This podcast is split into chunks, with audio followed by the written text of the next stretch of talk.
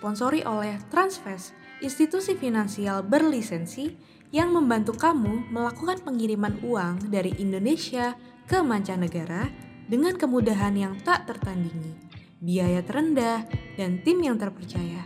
Seluruh operasinya mengikuti peraturan Bank Indonesia dan Pusat Pelaporan dan Analisis Transaksi Keuangan atau PPATK. Dengan kode referral untuk PPI Belanda Podcast adalah 898473.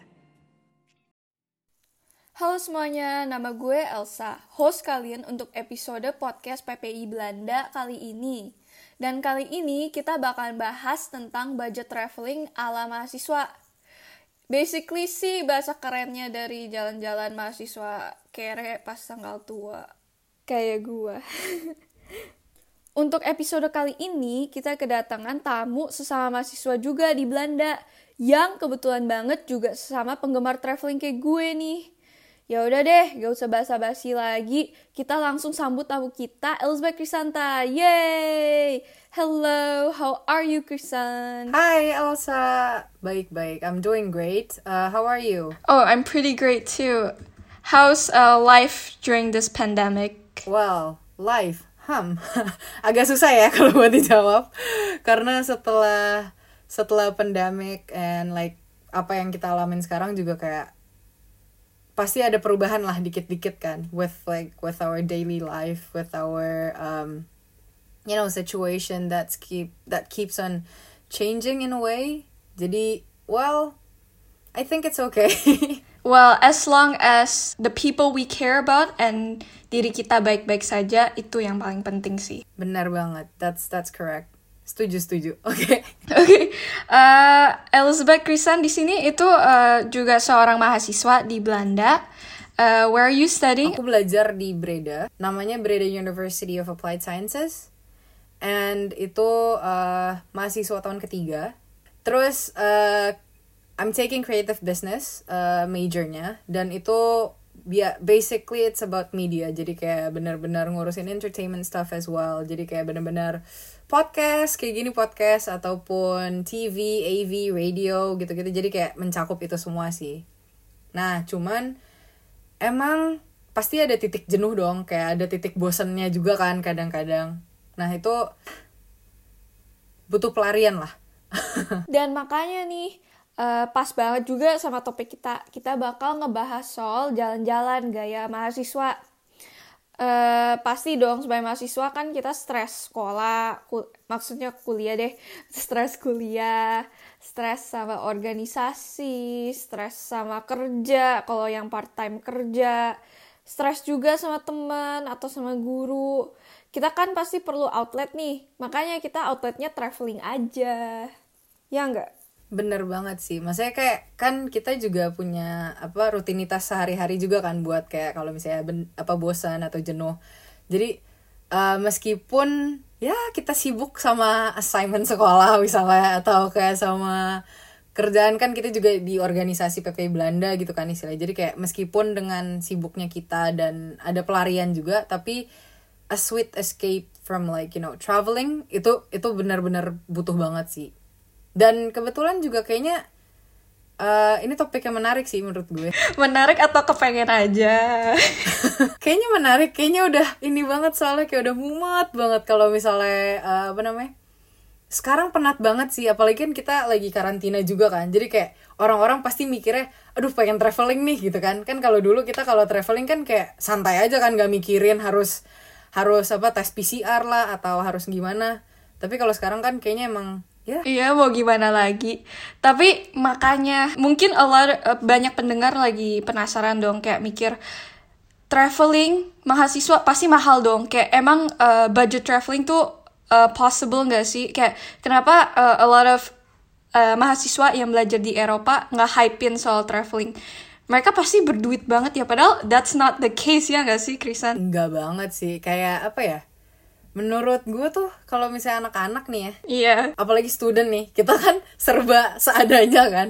Kayak uh, apa duit juga minimal kayak budgetnya udah ada budgetnya sendiri gitu kan. Meskipun kita udah yang kayak oh gue pengen ini pengen ini pengen ini tapi yang kayak eh tapi melebihi budget nggak jadilah gitu kan istilahnya. Nah kalau misalnya buat traveling sendiri pun uh, apa ya kalau gue tuh bukan yang traveling outside the Netherlands gitu loh. Maksudnya kayak kadang-kadang gue yang kayak cuman di sekitar Belanda aja itu menurut gue udah traveling kan karena lu keluar kota lu uh, apa menjelajahi kota itu gitu loh istilahnya kan kayak try new stuffs.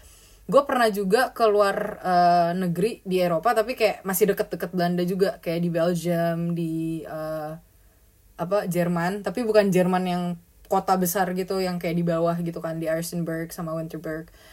Jadi ya emang ada budgetnya sendiri lah kalau buat kita gitu loh student. Mungkin beberapa dari para pendengar ada yang penasaran kan, kayak emang sestres itu ya atau sesantai itu ya di Belanda, sampai dikit-dikit cabut jalan-jalan ke luar kota atau ke negara lain.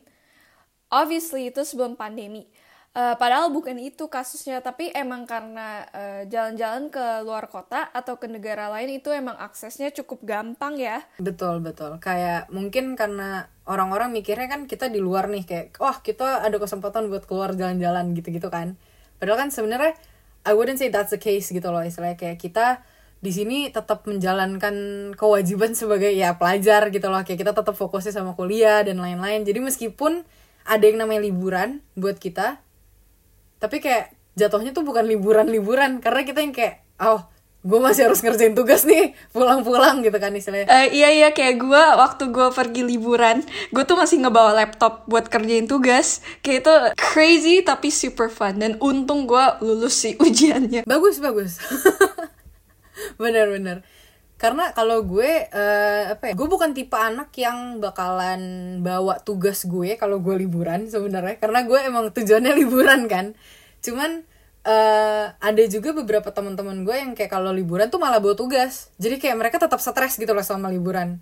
Karena emang kayak liburan kita sama liburan kalau di Indo kan beda ya. Kalau liburan di Indo kan emang libur tanggal merah atau apa gitu kan.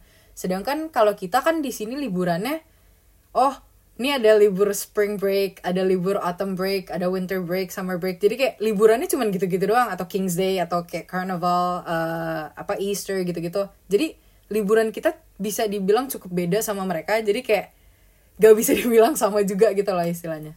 Eh kan tadi sebelum kita record podcast ini kan lu sempat cerita kan ke gua kalau uh, lu sempat travel Belanda nya sendiri dan lu sempat travel keliling beberapa negara di luar Belanda. Itu uh, kalau lu boleh rekomen suatu tempat, lu bakal rekomen yang mana aja? Well, susah ya kalau itu ya sebenarnya, karena tergantung tiap orang sebenarnya. Tapi um, kalau buat gue sih uh, kayaknya Rotterdam deh. Kayak misalnya kalau misalnya gue kenapa gue milih Rotterdam?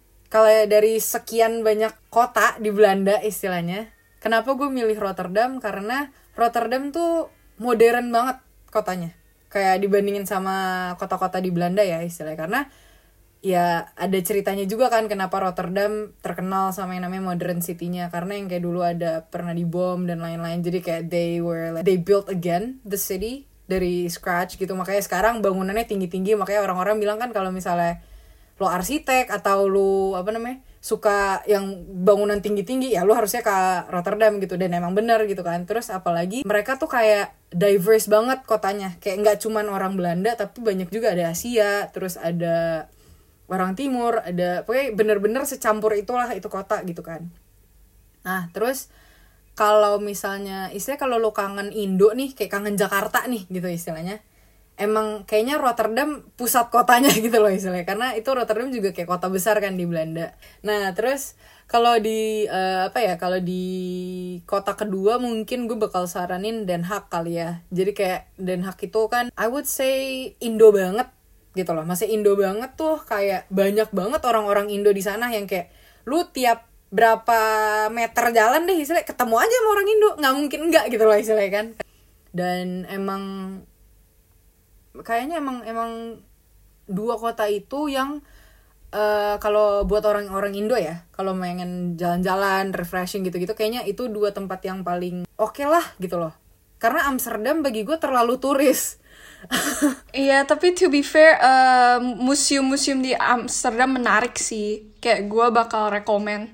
Cuma iya kayak yang lu bilang terlalu turis. Iya maksudnya kayak sekali-sekali lu ke Amsterdam itu ba apa bagus banget peluangnya gitu loh maksud gue kayak karena banyak banget museum terus eh, tempat-tempat yang apa ya unik-unik juga ada di Amsterdam gitu kan istilahnya. Kayak lu uniknya tuh unik yang bangunan tua gitu loh istilahnya maksud yang kayak bangunannya kan masih bangunan-bangunan apa ya kayak kalau lu ngeliat di Indo kan miniatur-miniatur dari Belanda kan yang gedung-gedung tinggi tapi yang tua gitu kan. Kayak rumah-rumah Belanda zaman dulu. Nah itu di Amsterdam juga ada gitu kan istilahnya. Terus eh Amsterdam ya seperti namanya. Itu kan pusat kotanya juga gitu kan istilahnya. Jadi kayak menurut gue kalau Amsterdam tuh eh kalau lu bakalan tinggal di Belanda lama ya menurut gue lu ke Amsterdam kalau keluarga lu ngunjungin lo atau kayak kalau lu lagi pengen santai sama teman-teman lo tapi lu bosan ke Rotterdam ya ke Amsterdam lah sekali-sekali gitu loh istilahnya. Tapi tapi jangan yang kayak tiap hari ke Amsterdam terus karena pasti rame tempatnya gitu loh. Karena kan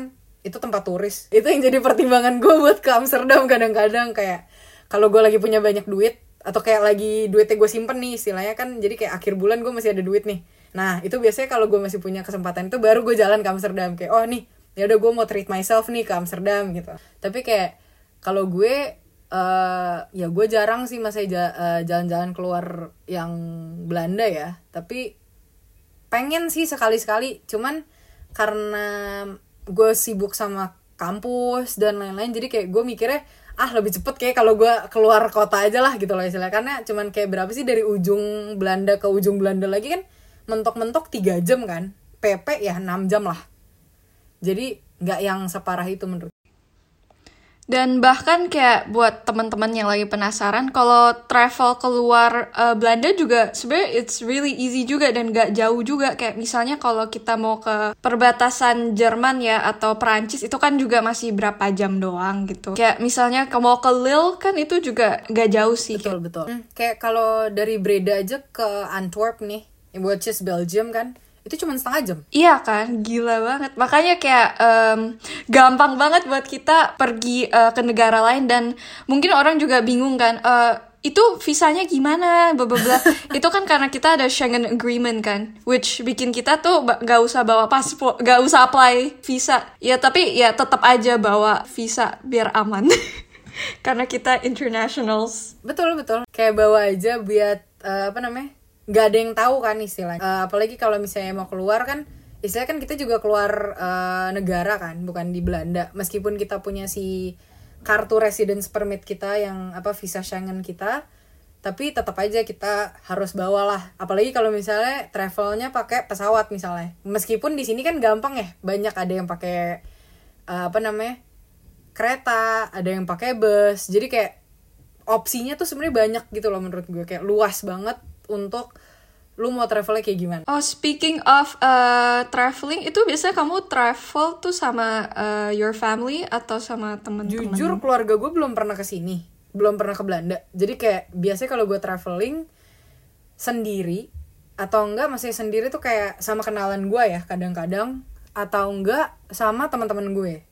Biasanya kalau di sekitar Belanda tuh gue sama teman-teman gue nih. Kayak sama anak-anak student juga dari Breda atau bahkan gue pergi ke eh, tempat temen gue yang ada di luar kota misalnya kayak kita janjian oh yuk ketemuan di kota ini ya. Ya udah. Nah itu kayak kayak gitulah biasanya sama teman-teman. Nah tapi kalau sama kenalan gue biasanya itu kayak bonus lah menurut gue. Kayak gue gratis kan mereka yang nyetir gitu. Jadi kayak gue gue ngikut aja. Terus eh itu hoki-hokian sih menurut gue. Kayak kalau biasa kan lu cari kenalan dong pasti di sini kan. Kayak cari kenalan meskipun yang bukan student lah ya maksud gue. Jadi biar gampang istilahnya buat gampang kayak kalau lu butuh bantuan juga kan enak kan kayak karena mereka udah lebih lama di sini jadi mereka juga tahu gimana enaknya Eh, sorry gue potong bentar. Eh, tapi ya sejak kita kuliah di sini di Belanda, maksud gue, lu ngerasa gak sih ada perubahan dari diri lu? Kan kasarnya ya kita kan di Belanda ngurus diri sendiri kan, dari sekolah sampai liburan aja kita ngurus diri sendiri. Jadi lu ngerasa gak sih ada perubahan dengan diri lu gitu? Jadi makin dewasa kayak makin bertanggung jawab atau apa? eh kalau masalah kayak mandiri gitu-gitu ya berarti kayak kayak survival kit from yourself gitu ya istilahnya Iya, ini biar orang tuh jadi mau traveling juga kita promosi benefitsnya. Hmm, menurut gue sih kalau misalnya traveling kayak gitu kan um, mau nggak mau ya lo harus prepare diri lo juga kan kayak kalau gue kan travel di Belanda tuh gue nggak bakal bilang gue nginep punya gitu loh yang kayak karena gue bisa perginya pagi balik aja malam gitu loh. Istilahnya kayak kayak kalau di Belanda sih uh, itu bukannya kayak traveling yang mungkin kalau lo kan jalan-jalan yang kayak lo ada vacation terus kayak lo jalan berapa hari tiga empat hari terus lo nginep gitu kan di sana. Nah tapi kayaknya kalau gue tuh um, in a way itu jadi kayak mandiri sendiri. Karena yang kayak gue harus tahu kan oh ini jamnya jam segini nih kayak lu lu telat aja lu harus lari-lari kejar kereta gitu kan istilahnya di di NS misalnya gitu-gitu. Jadi kayak bagi gue in a way itu ngajarin lu buat tepat waktu. Satu ya ngajarin buat lu tepat waktu terus kayak hmm, sebebasnya lu sih sebenarnya lu mau gimana? Kayak do you want to enjoy your tripnya? Kayak yang seru-seruan kayak cari uh, misalnya lu keluar kota karena ada acara nih di kota ini itu bisa juga. Tapi kan kalau gue kadang-kadang kayak acaranya ya biasanya ada yang King's Day gitu-gitu loh. Ngerti gak sih? Kalau King's Day kayak gue nggak perlu travel sebenarnya karena di Breda juga ada kan. Eh King's Day kayaknya semuanya nggak sih? King's Day Karnaval itu yang adanya di bawah doang. Nah, tapi kalau karnaval kan cuma ada di Brabant doang kan istilahnya which is kayak di kota gue Tilburg gitu-gitu. Jadi kayak um, itu seru-seruan doang sih sebenarnya buat having fun aja iya setuju banget sama pendapat lu sebagai mahasiswa setidaknya tipe yang suka ngerencanain kayak gue ya kalau jalan-jalan tuh kesempatan yang bagus buat lu belajar cara memanage waktu dan financial juga Contohnya nih, kalau kita lagi liburan kan yang uh, pendek selain summer sama winter, kalau nggak tanggal merah ya spring atau autumn break kan. Jadi kita harus bisa ngerencanain dan bisa prioritasin sekolah. Kayak contohnya nih, dalam 4 sampai 5 hari ini, gue harus ngerencanain sedemikian rupa agar tetap on track sama kuliah, sama pas balik liburan gak bangkrut. Ya, sebenarnya bagi gue tuh tipe traveler ada dua. Kayak ada yang ngeplan semuanya, kayak oh gue hari pertama gini, hari kedua gini, hari ketiga gini. Uh, tapi kalau gue termasuk tipe traveler yang spontan aja kayak gue nggak bikin gue nggak bikin plan list gue mau ngapain oh my god lu kebalikan gue iya. Iya makanya. Kayak yang gue sadar um, kan lu tadi bilang kan lu bikin plan dong. Kayak lu bikin list oh nih budgetnya harus gini gini gini. Gue yang kayak gue pergi keluar ya udah gue spend money aja. Yang penting gue nggak nggak kekurangan duit gitu lah istilahnya. Yeah, yang penting kayak, happy dan gue tahu gue hidup gitu. Gue masih makmur. Jadi kalau gue tuh lebih ke arah yang uh, gue cuman tahu destinasi gue mau ke mana. Terus kayak gue cuman lihat doang nih di kota eh, di negara itu apa ya yang keren apa yang bagus gitu apa yang kayak yang gue pengen datengin gitu. Jadi gue cuman bikin list doang kayak oh gue harus ke sini gue harus ke sini udah. Terus kayak gue cuman point out aja gue lagi pengen apa gitu kan. Jadi kayak gue mikirin aja ke depannya oh gue harus pokoknya harus dapetin ini ini ini, ini. tapi kalau misalnya nggak jadi juga ya udah itu kayak karena gue spontan juga kan istilahnya kayak gue nggak ngerencanain apa-apa. Terus uh, kalaupun di Belanda istilahnya kayak gue traveling di Belanda nih gue juga nggak pernah bikin kayak plan gitu misalnya kayak gue mau ke tempat lo sa. Gue yang kayak nggak bakal bilang sa gue mau ke tempat lo ya minggu depan. Gue pasti bakal kasih tahu ke lo tuh kayak tiga hari sebelumnya atau bahkan dua hari sebelumnya. Jadi gue nggak bakal bikin plan karena gue yang kayak gue emang tipe anak yang nggak bisa kalau bikin plan. Kayak obviously kayak kita nggak mengendorse traveling dalam pandemi. Masih harus ikutin guidelines for everything.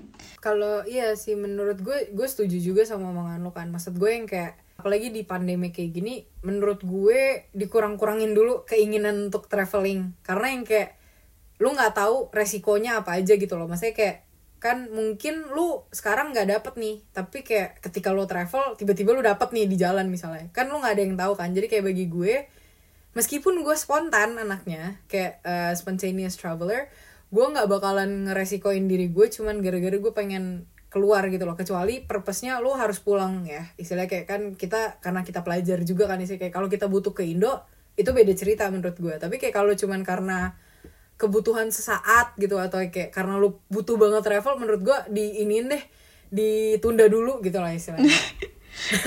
Tapi uh, speaking of ini um, traveling during pandemi itu mungkin gak sih menurut lu? Travelingnya in terms of apa dulu nih? Kayak traveling ke luar kota di Belanda, tetap di Belanda atau kayak traveling keluar negara gitu Kita bahas dalam kota dulu deh, biar gampang. kalau antar kota menurut gua kalau antar kota itu possible loh sepadet padet curfew sepadet padet aturan yang udah dibikin sama pemerintah di sini lu tetap ada hak untuk kayak apa ya pengen keluar gitu kan istilahnya. Kayak kan nggak bisa terus terusan lu diem di satu tempat dong istilahnya apalagi di kamar lo gitu loh istilahnya. Jadi kayak menurut gue kalau emang lu harus keluar rumah boleh banget tapi ikutin protokol kesehatan. Ngerti gak sih? Kayak, kayak lu pakai masker Yes. cuci tangan eh, pakai pakai hand sanitizer kalau lu di luar gitu. Jadi kayak maksud gue selama lu mengikuti itu aman banget gitu loh istilahnya. Tapi kalau bisa jangan kayak lu sering-sering gitu loh kan? Kalau gue emang dulu sebelum pandemi kan gue yang kayak every weekend gue bakal cabut-cabutan kan. Karena kan kalau di sini kan kalau di Belanda kita ada uh, subscriptionnya masing-masing kan. Kayak ada weekend fry ada dull fry ada yang 50% eh 40% gitu kan every day. Jadi kayak Subscriptionnya boleh nggak sih lu jelasin ke pendengar kita? Nah, jadi kayak kalau buat subscription ini tuh, hmm, gue termasuk anak yang menggunakan subscription weekend fry. Maksudnya weekend fry itu kan kalau di sini travel lu pakai kartu kan, OV OV chip card. Nah, OV chip card lo ini bisa yang personal which is yang warna kuning, ada juga yang umum yang warna biru. Nah, kalau lu pengen bikin subscription gitu-gitu, lu harus pakai yang personal yang warna kuning. Nah, gue pilih yang paket uh, weekend fry itu tuh karena gue suka traveling kan. Jadi kayak gue suka jalan-jalan tiap Sabtu Minggu karena itu waktu luang gue. kayak hari Senin sampai Jumat gue selesai buat kuliah, Sabtu Minggu gue jalan. Gue bodo gue mau keluar aja gitu kan istilahnya. Jadi kayak uh, menurut gue itu opsi yang paling perfect buat uh, anak-anak muda gitu loh, anak-anak student. Karena mereka bisa jalan-jalan kan Sabtu Minggunya. Nah, itu subscriptionnya lu Sabtu Minggu bebas. Kayak nggak nggak dipungut biaya, lu cuman perlu bayar 33 euro per bulan. Itu lu Sabtu Minggu mau travel ke mana aja tuh gratis tuh. Kayak lu tinggal tap aja, check in, check out, dan lain-lain. Terus uh, opsi yang lain adalah 40% di uh, off peak hours buat hari Senin sampai Jumatnya. Jadi kayak itu menurut gue udah plus juga lah istilah buat kita ya kalau kita perlu travel juga uh, weekdays. Nah, terus uh, ada juga opsi dull fry. Dull fry itu setiap hari gratis. Tapi agak lebih pricey, of course gitu loh. Nah, cuman uh, gue nggak menyarankan sih untuk uh, orang-orang bikin dull fry kecuali uh, emang itu diperluin banget ya. Emang kayak lu perlu banget si dull fry ini baru um, lu pakai aja yang dull fry gitu loh yang kayak karena itu 105 per per bulan menurut gue. Jadi kayak itu agak mahal banget cuman masih uh, masih batas wajar kalau lu punya penghasilan ya. Kayak kalau lu internship misalnya nih. Terus uh, internship lu dapat uang karena kalau gue kan dulu kayak gue harus travel back and forth ke Amsterdam juga kan karena gue internship di sana. Jadi kayak gue pakai yang Dalfry nih untuk beberapa bulan.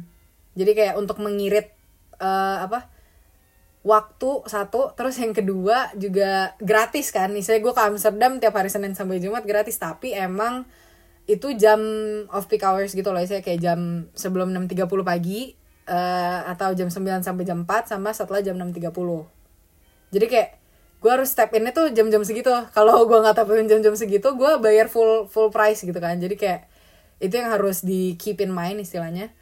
Sama habis itu ada juga yang 40% um, apa yang yang korting punya istilah 40% korting itu tuh everyday lu dapat 40%.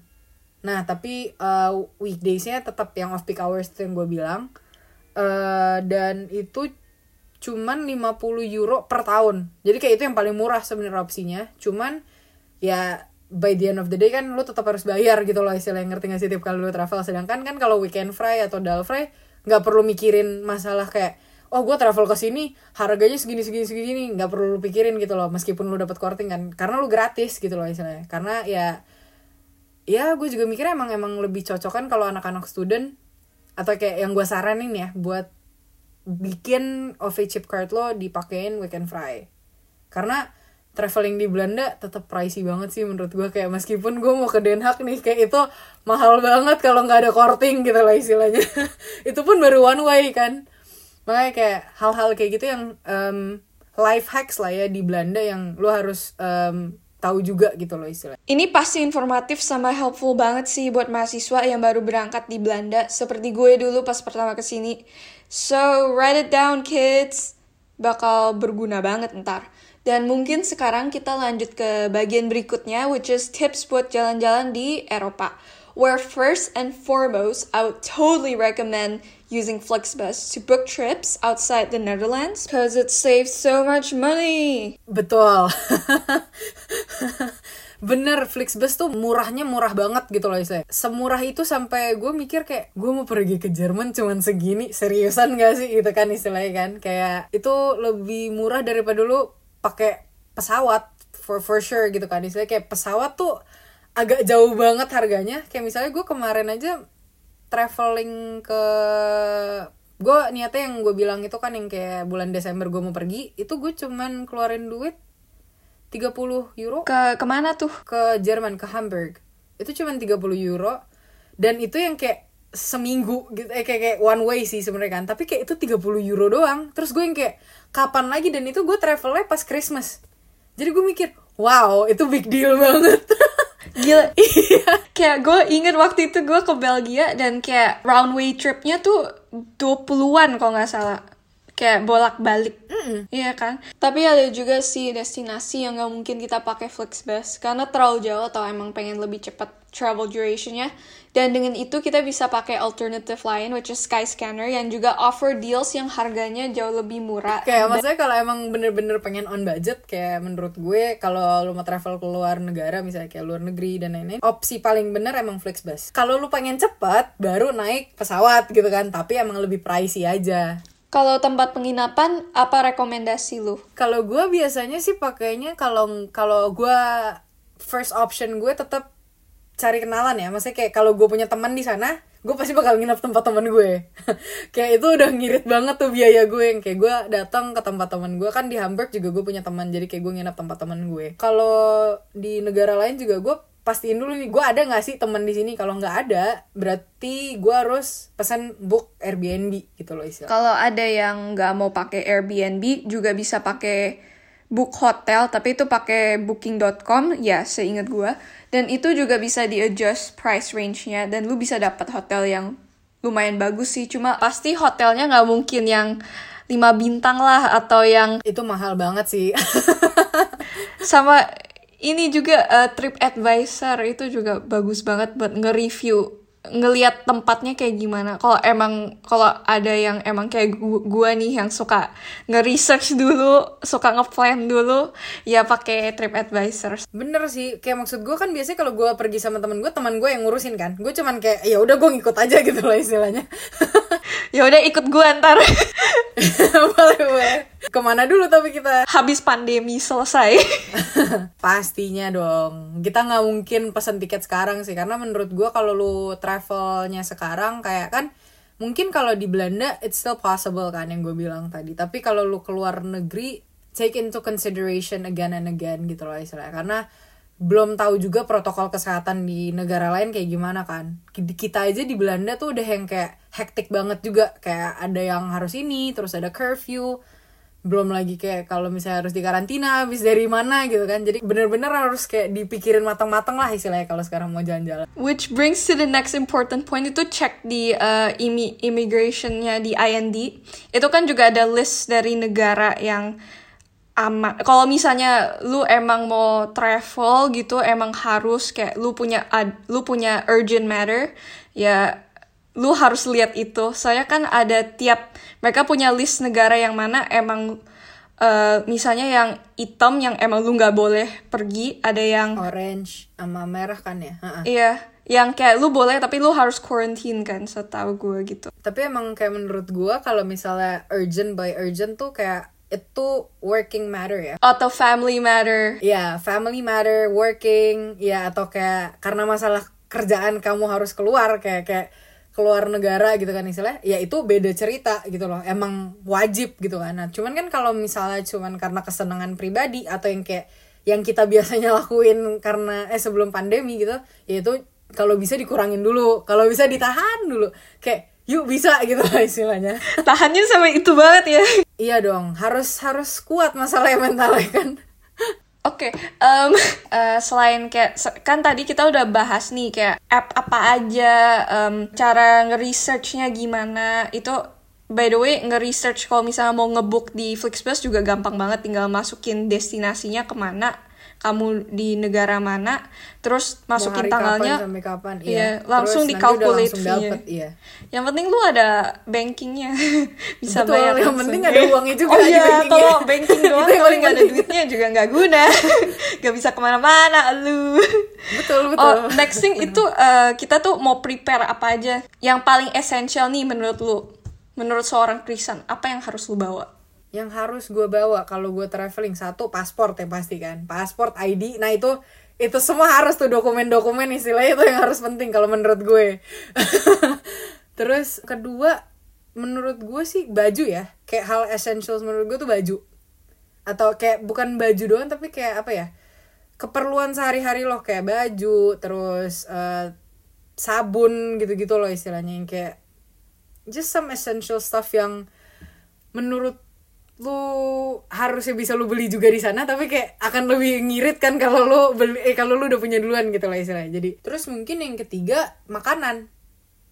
Kayak misalnya eh, fast food aja eh bukan fast food instant food you know. Cemilan-cemilan yang kayak yang lu bisa bawa se se- sebisa lo gitu loh istilahnya kan. Karena barang-barang itu bisa lu bawa sekarang ujung-ujungnya kan nanti pas lu pulang pasti lu bawa kayak semacam kayak cendera matanya kan kayak you need to have a space for that too.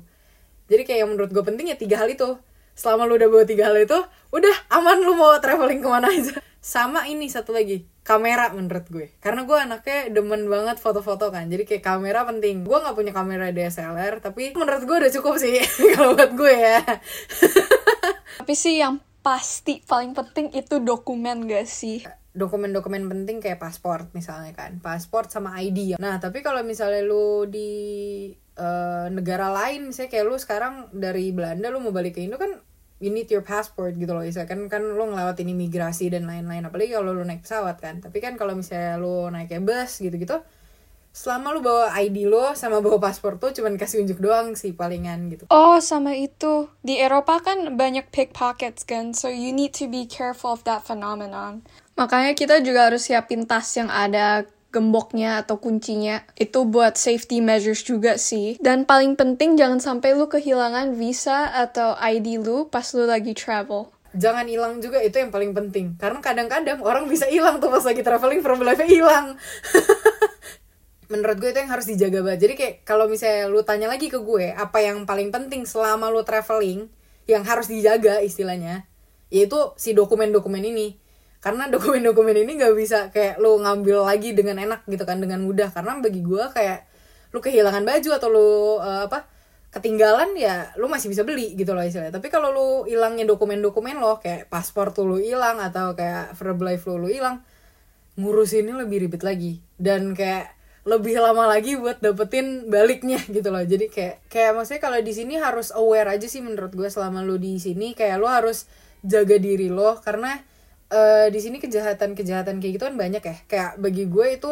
orang-orang aja udah anggap itu hal lumrah gitu loh saya kan. Jadi kayak kita yang harus ngejaga diri sendiri. Jadi kayak menurut gue kalau lu mau traveling pun meskipun lu spontan lu tetap harus eh, jaga kayak keperluan-keperluan barang-barang lo dan lain-lain. Jadi kayak kalau lu emang pakai tas menurut gue tas lu lu taruh depan gitu loh. Semua barang lu taruh di sana. Jadi kayak lu jangan meleng aja jangan meleng sedikit karena kalau lu meleng atau kayak lu nggak fokus atau lu bengong udah hilang itu barang Gila, gila. Makasih banget ya buat tips and tricksnya. It's really helpful dan udah sharing cerita-cerita. I think those are really helpful tips to travel as students. Makasih ya Kristen udah jadi tamu buat podcast ini. Uh, kalau ada kata-kata yang kurang berkenan kami minta maaf. Uh, I'm Elsa and I'm your host and I'll be signing off. Bye.